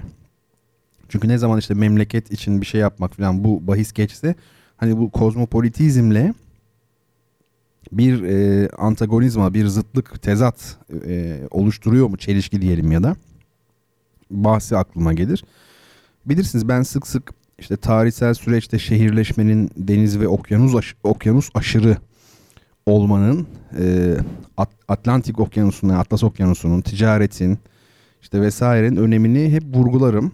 Hatta koca Osmanlı'nın yıkılışını, işte Amerika Birleşik Devletleri'nin pozisyonunu, ülkemizin şu andaki durumunu falan bu kavramlar ekseninde çok açıklarım. E, takipçilerim bilirler, e, özellikle radyo programını takip edenler. E, uluslararası festivallerde görev aldım. Eserlerim seslendirildi e, Afrika'sına varıncaya kadar. Pek çok yabancı sanatçıyla mesai arkadaşlığı yaptım. Yani kimse benim kadar kozmopolit olmasın yani ama insanın e, ülkesini sevmesi, onun için çalışması başka bir şeydir. Yani ben Hakkari'den Edirne'ye kadar bu ülkenin her karışını çok seviyorum ve artık pek kalmadı böyle şeyler ama herkesi e, ülkesi için çalışmaya davet ediyorum. Emin olun ekstra bir şey yapmayacaksınız. Yani e, mesleğinizde başarılı olun. Zaten memleket için daha iyisi yapılamaz. Hani tıpkı işte memleketi sevmekle kozmopolit olmak arasında bir aslında zıtlık olmadığını söylediğim gibi kendisi için çalışmakla e, ülke için ya da toplum için çalışmak arasında da bir bence zıtlık yok. Çünkü insanın hem bireysel varlığı var hem sosyal varlığı var. Yani bir, sadece biri olsa tamam diyeceğim ama öyle değil. Yani siz mesela diyelim ki bir e, üniversitede e, hocasınız veya başka bir yerde bir iş yapıyorsunuz. E, pek çok makale yazdığınızda, uluslararası alanda başarı kaydettiğinizde, iyi öğrenciler yetiştirdiğinizde yani hem mesleki tatmin diyelim ama aynı zamanda da ülkeye hizmet etmiş oluyorsunuz. Yani siz siz kalkınırsanız ülke kalkınır zaten. Siz başka bir yerde değilsiniz ki e, Türkiye'nin içindesiniz. Yani Türkiye Cumhuriyeti vatandaşısınız. O bakımdan arada bir şey yok. E, kopukluk e, yok. E şimdi söz tam e, buraya gelmişken size bir kısa film festivalinden söz etmek istiyorum. E, birinci Uluslararası Siirt Kısa Film Festivali. Yanlış duymadınız tekrar ediyorum. Birinci Uluslararası Siirt Kısa Film Festivali. Yani hani Siirt'te Uluslararası Sinema Festivali mi var? E, demeyin diye söylüyorum. Demek ki varmış işte bakın. Yani ülkemizde neler var bizim haberimiz yok. İlginç. E, şunu söyleyeyim. Bu festivali benim çok sevgili dostlarım olan yani hani böyle akraba gibi olanlar vardır ya arkadaşlığı geçmiş. E, öyle diyelim. E, çok sevgili yakınlarım olan e, İDE Yapım Şirketi'nin e, sahipleri e, düzenliyor. İstanbul merkezli Nişantaşı'nda etkinlik gösteren bir şirket İDE. Yani düşünce anlamındaki İDE var ya o işte İDE. E, çok güzel işler yapıyorlar. E, Engin Çelik, Mehlika Çelik ve Elçin Çelik bu işi götüren kişiler. Onlar kardeş hep. E, hepsine çok çok e, selamlarımı söylüyorum eğer dinliyorlarsa. Bir aile olarak bir aile şirketi gibi yani. E, onlar zaten sinemayla da çok iç içe insanlar. Engin e, Cannes Film Festivali'nde Altın Palmiye kazanmış bir filmde oynadı desem yok artık falan diyebilirsiniz ama öyle işte hayat böyle bir şey. E, yani oyunculuktan belgesel e, yapımına kadar e, pek çok iş yapan bir yapım şirketi İde Yapım. E, işte son olarak da bu birinci Uluslararası Siirt Kısa Film Festivali'ni düzenliyorlar. Bu galiba bir böyle dizi gibi yani Bingöl'de yapıldı kısa film festivali, Siirt'te herhalde Ordu'da falan da yapılacak. Onlar bu Siirt'teki şeye e, beni de bir konuşma yapmak üzere davet ettiler sağ olsunlar. Hani sinema üzerine bir şey herhalde sinema ve felsefe yani konuyu da bana bıraktılar. O yüzden ben, ben de bilmiyorum. bakarım yani ne söyleyeceğimi düşünürüm tabii. Ben de Siirt'e tabii ki seve seve e, giderim. Memnuniyetle kabul ettim. E, çok da güzel bir şey var. İnternet sitesi yapmışlar festival için. E, size oradan birkaç bilgi vereyim. Şöyle yazıyor orada. E, bu yıl ilki gerçekleştirilecek olan birinci Uluslararası Siirt Kısa Film Festivali Türkiye'den ve dünyadan yönetmenlerin kurmaca, belgesel, animasyon ve deneysel kategorilerindeki kısa filmlerini izleyiciyle e, buluşacağı uluslararası e, bir kısa film festivali olacaktır. E, filmlerini buluşturacakları diyelim bir kısa film festivali olacaktır. Türkiye'nin en önemli illerinden biri olan Siirt'te gerçekleştirilecek olan festivalde yerli ve yabancı yönetmenler, dizi ve sinema oyuncuları, yapımcılar ve sinema eleştirmenlerinin katılımı ile uluslararası düzeyde ses getirecek bir organizasyon olma hedefini taşımaktadır. Birinci Uluslararası Siirt Kısa Film Festivali'nin bir diğer özelliği ise bu projenin Siirt ilimizin tanıtımına katkı sağlaması olacaktır. Tarihi ve kültürel zenginliklerinin de ayrıca tanıtılacağı festivalde Siirt'in yani sinema üzerine paneller, sinema ve senaryo atölyeleri, filmlerin gösterimleri festival kapsamında gösterilecektir. Ben herhalde panellere giriyorum o kısımda ben oraya giriyorum. Yani panel konuşma o yani işte. Neyse. Şimdi jüri üyeleri kimler peki? Ee, Tarkan Karlıdağ, Veli Çelik, Cengiz Bozkurt, Şafak Bakkalbaşıoğlu, Elif Dağdeviren, Mehlika Çelik ve Mahperi Uçar gibi çok önemli isimler. Ee, sinema ile çok ilgili sinemaya ya da yıllarca emek vermiş e, duyduğunuz isimler bunlar eminim. Şu anonsu da yapmış olayım. Haftaya bu jüri üyelerinden sevgili Mehlika ile Mehlika Çelik ile canlı telefon bağlantısı yapacağız. Onu canlı yayına alacağım. Ee, çünkü biz böyle tabii okuyoruz, tanıtıyoruz ama işin 300'ünde neler var? Melika hem jüri üyesi e, hem de tabii ki İDE e, yapım olarak e, işin en fazla içinde olan kişi belki de o girdisini, çıktısını, detayını bize güzelce anlatır. Bu para ödülleri falan var. E, ona varıncaya dek soracağım yani merak ettiğim şeyler var benim de çünkü. Yani İstanbul'da olmadığım için ben 6-7 yıldır İstanbul'da değilim. E, dolayısıyla tabii hani ne kadar görüşseniz de e, bir kopukluk oluyor yani çalışmalarda bir kopukluk oluyor yani şirkette beraber çok zaman geçirdiğimiz olmuştu mesela. Geçmişte e, o zaman her şeyden günlük haberin oluyor. E, ama e, şey öyle değil. Dediğim gibi farklı şehirlerde olduğunuz zaman ister istemez eskisi kadar şey yapamıyorsunuz. Ben sizinle e, festivalin internet adresini de paylaşayım. E, mutlaka ziyaret edin derim. Güzel bir site yapmışlar. Adres şöyle siirtkısafilm.org siirtkisafilm.org e, Çok sevgili e, dinleyicilerimden Duygu Özbek vardı. Hekim kendisi.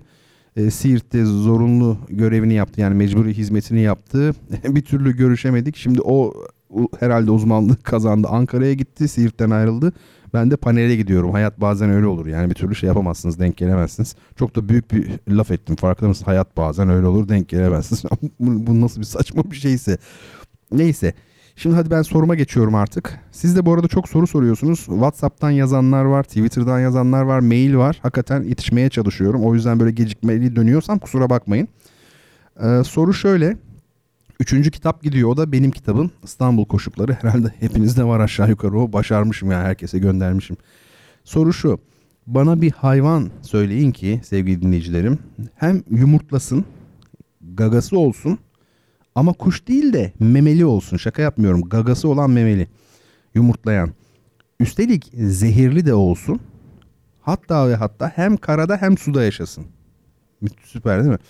E, Avrupalılar bu canlıyı ilk gördüklerinde baya bir dehşete düşmüşler diye ince bir ipucu da vereyim size. Hadi bakalım ben de cevabı bekleyeyim artık biraz. Efendim bu şey vardı ya az önce konuştuk hani para ödülü deyince aklıma şey geldi. Bu çok fazla e, konu edilir yani sanat para için mi yapılır? Hani vardır ya sanat ben para için yapmıyorum sanatımı falan gibi şeyler. Ee, bence bu biraz klişedir. Yani şöyle para için değil de ne için yapalım yani yemek ve barınak karşılığında mı yapalım? Köle gibi hani yemek verin abi işte size bir senfoni yazayım falan mı yapalım yani? Ee, benim bir hocam vardı. Sanat sadece para için yapılır derdi. Yani şöyle derdi sanat çocuğun okul taksidi için yapılır derdi. E profesyon bu değil midir zaten? Yani meslek yani profesyon meslek. E, para için e, yapmıyor olsaydık amatör olurduk. Şimdi ben bunları söylüyorum ama neden böyle düşünülmediğini, bunun karşıtı düşünüldüğünü tabii ki biliyorum. E, romantik o görüntü var ya hani ilham, sanatın ve sanatçının prensipleri e, filan hani buna ters düşüyor benim bu söylediklerim. Ben tabii ki onun farkındayım. Ama yukarıda söylediğim gibi hani o birey toplum veya yerel olmak, uluslararası olmak arasında çelişki yok dedim ya. Tıpkı onun gibi bunlar arasında da yani para için yapmakla ilhamla bilmem neyle yapmak arasında da bir antagonizm çelişki yok. Şöyle e, sipariş üzerine mesela yazma olayı var ya işte Mozart, Beethoven pek çok sipariş almış bu insanlar. Bestelerini o şekilde yapmışlar para karşılığı yani.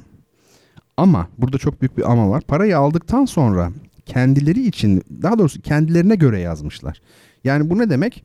Adam hani diyor ki bir Yel Çalgılar dörtlüsü falan yaz bana. Parasını alıyor Beethoven. Ama parayı aldıktan sonra yani şöyle yapmıyor herhalde değil mi? Para mesela ne olsun 5000 lira. O zaman birinci bölüm 3 liralık olsun. A teması birinci cümle 27 liralık yazın. Yani böyle şey olur mu?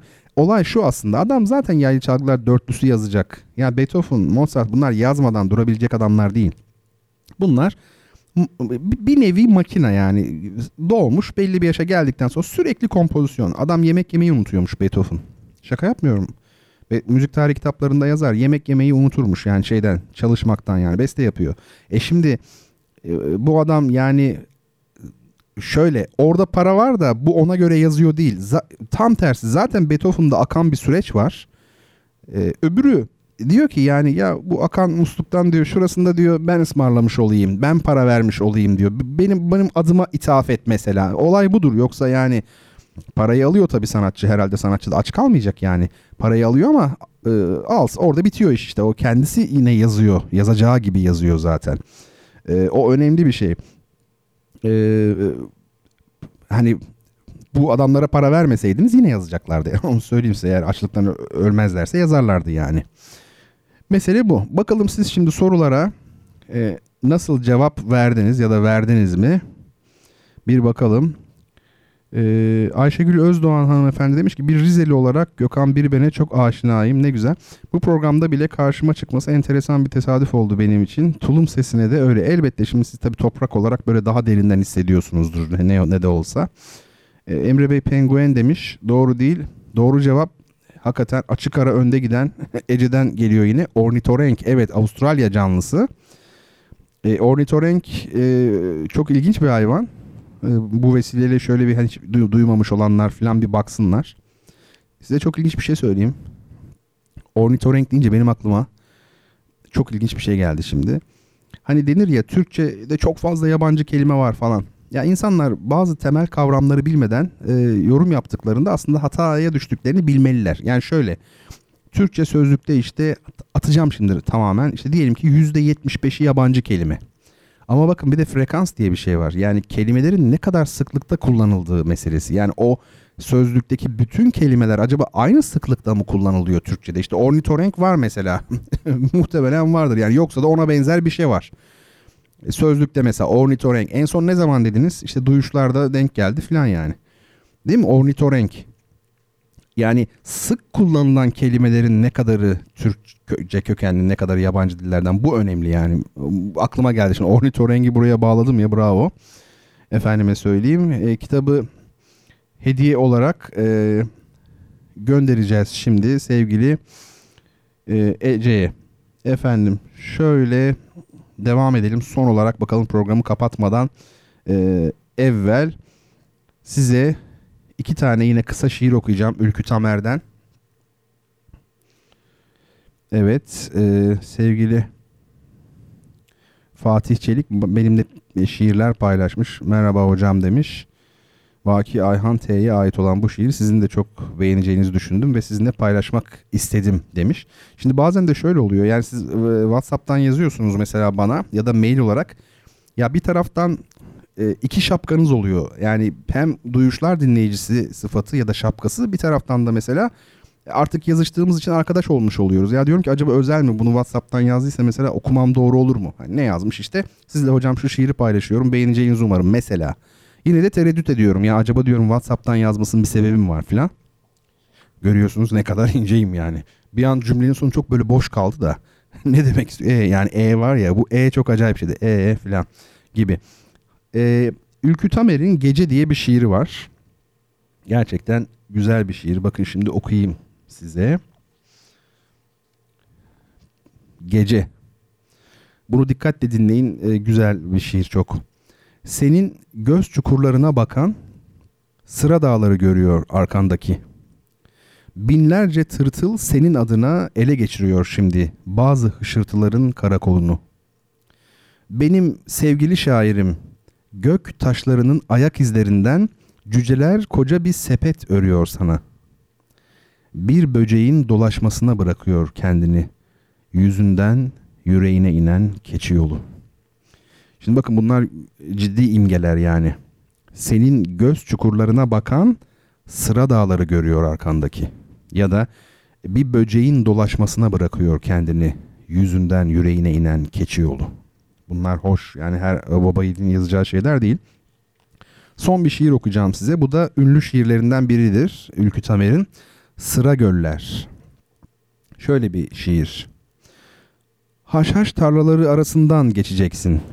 Beyaz ve mor haşhaşları havaya savurarak yeni bir afyon bulacaksın kendine. İşte o zaman beni unutma. Şairini, onun şiir yazan ellerini, içine dizilen sıra gölleri, kendi kendine konuştuğun seni, her şeyi, hiçbir şeyi unutma. Zakkumlar arasından bir şehre gireceksin. Aşk şiirleri, tabiat şiirleri, tarih şiirleri düşünerek bir dinamit yapacaksın kendine. Korkma, ateşle onu. Öldürecek nice balıklar vardır sularında. Patlamayla dirilecek nice balıklar vardır. İşte o zaman an beni, yaşa beni. İşte o zaman beni unutma. Hatırlanacak çok hüzünler bulacaksın. Onların tohumunu havaya savurarak uzun bir yolculuk yaratacaksın kendine. Her şeyin, hiçbir şeyin yolculuğu. İşte o zaman an kendini. Kıyılarda bile boğulan seni. Bir saz kuşu olarak gezinen hayaletini, çeliğinden kemik oyan gövdeni. İçinde bir kaçakçı yaşar senin. Kayıkla dolaşır göllerinde. Beynine tabanca ve şiir satar. O kaçakçının bakışını sakın unutma. Evet hepimizin içinde bir kaçakçı yaşıyor belki. Bakın ne diyor bir daha okuyayım orayı. İçinde bir kaçakçı yaşar senin. Kayıkla dolaşır göllerinde. Beynine tabanca ve şiir satar. O kaçakçının bakışını sakın unutma. E artık bir Ülkü Tamer kitabı alacaksınız yani değil mi? Bu kadar şey yaptık şiirini okuduk. Bakalım son mesajlar bir şey var mı atladığımız? Abdullah Bey'e de kitabını gönderiyoruz. Sevgili Burcu Ece'ye de gönderiyoruz. Ona iki, iki kitap gönderiyoruz. İki tane e, bilmiş oldu. E artık yavaş yavaş kapatıyoruz. O zaman atladığımız bir şey yok gibi görünüyor. Başka mesajlar varsa. Bir de geçen hafta şöyle bir şey oldu. Ben hani bu e-maillere çok program esnasında bakmıyordum. Yani hep Twitter temelli gittiğim için. Sonra programdan sonra bir baktım. Aa e-mail olarak da yazan dostlar olmuş. Hani o bakımdan da onu şey yapmak istemiyorum. Atlamak istemiyorum. Şöyle bir bakayım. Evet kimse de bir şey yazmamış. Öyle görünüyor. Sevgili dinleyicilerim artık programı kapatıyoruz. Ee, son bölümümüzde yapmış olduk. Ee, Felix Mendelssohn dinleyeceğiz kapanışta. Bunu mutlaka sonuna kadar dinleyin. Bu çok güzel bir müzik. Yani şöyle programımızdaki her müzik güzel ama e, Felix Mendelssohn bir romantik dönem bestecisi. Az önce söylemiştim. imtihan edeyim bakayım size hani hangi yüzyılda romantizm? 19. yüzyıl değil mi yani 1800'lü yıllar. Fatih Bey demiş ki yazdıklarım ben ve duyuşanlar arasında bir sırdır hocam demiş. Eyvallah bir espri yapmış. Anlaşılmıştır efendim. Evet Mendelssohn romantik dönem bestecisi ama bir özelliği var. Eserlerinde klasik dönem bestecilerindeki kadar açık, temiz, duru bir anlatım vardır. Yani Mendelssohn bir Mozart kadar e, form açısından biçimsel olarak te- anlaşılabilir bir besteci. Çok temiz yazıyor gerçekten. ilginçtir. Yani romantizm e, iyi hoş ama bir dağınıklık getirebilir zaman zaman. Mendelssohn'da bu pek yok. Çok klasik örneklere bağlı e, çalışmış bir besteci. Onun birinci senfonisi var. E, eşsiz bir tabii senfoni. E, o, o yıllarda yazılmış belki dünyada en, en iyi senfonilerden biri. Birinci senfoni do minör. E, opus numarası 11 öyle söyleyeyim. Bu e, senfoninin birinci bölümünü Allegro molto yani oldukça allegro. Yürük demek allegro. Yürüme temposunda öyle düşünelim. Molto Allegro yani e, bir e, şey bölüm başlığı koymuş. Berlin Filarmoni Orkestrası seslendiriliyor. Orkestra şefi kısa bir zaman önce kaybettiğimiz maalesef çok çok büyük bir müzik adamıydı. Claudio Abbado yani bu meşhur Herbert von Karajan'dan sonra Berlin Filarmoni'yi uzun zaman e, yöneten, çalıştıran direktördü yani müzik direktörü. Çok büyük bir orkestra şefi. E, şimdi onun e, yorumuyla dinleyeceğiz ama son bir soru sevgili Haldun demiş ki hocam ne zaman sabahlayacağız demiş. Hakikaten ne zaman sabahlayacağız bilmiyorum. O zaman şöyle yapayım sevgili dinleyicilerime bir sorayım. Ee, sizler lütfen bana Twitter'dan ya da e-mail yoluyla ulaşın sevgili dinleyicilerim. Şey için bir e, sabahlama için hangi ay uygun mesela Nisan'da mı sabahlayalım Mayıs'ta mı yaz daha iyi sanki değil mi yaza doğru falan. Haziran, Temmuz bilmiyorum. Yani ne zaman sabahlayacağımıza ilişkin tercihiniz varsa bana yazarsanız ben de şöyle küçük çapta bir şey yapmış olurum. Anket yapmış olurum. Sevgili Haldun güzel bir noktaya e, parmak basmış oldu. Evet efendim şimdi e, Claudio Abbado'dan Mendelssohn'un Opus 11 Do minör 1. senfonisinin ilk bölümünü Allegro Molto başlıklı TRT spikerleri gibi oldum değil mi? Allegro Molto başlıklı ilk bölümünü dinliyoruz. Ondan sonra artık işte herkes evine gidiyor. Siz evinizdesiniz belki de yani ben evime gideceğim öyle oluyor bu iş. Ee, haftaya da saat 22'de inşallah bir aksilik olmazsa tekrar beraber olalım ve müzik üzerine, sanat üzerine, edebiyat üzerine konuşmaya devam edelim. Hepinize iyi geceler diliyorum.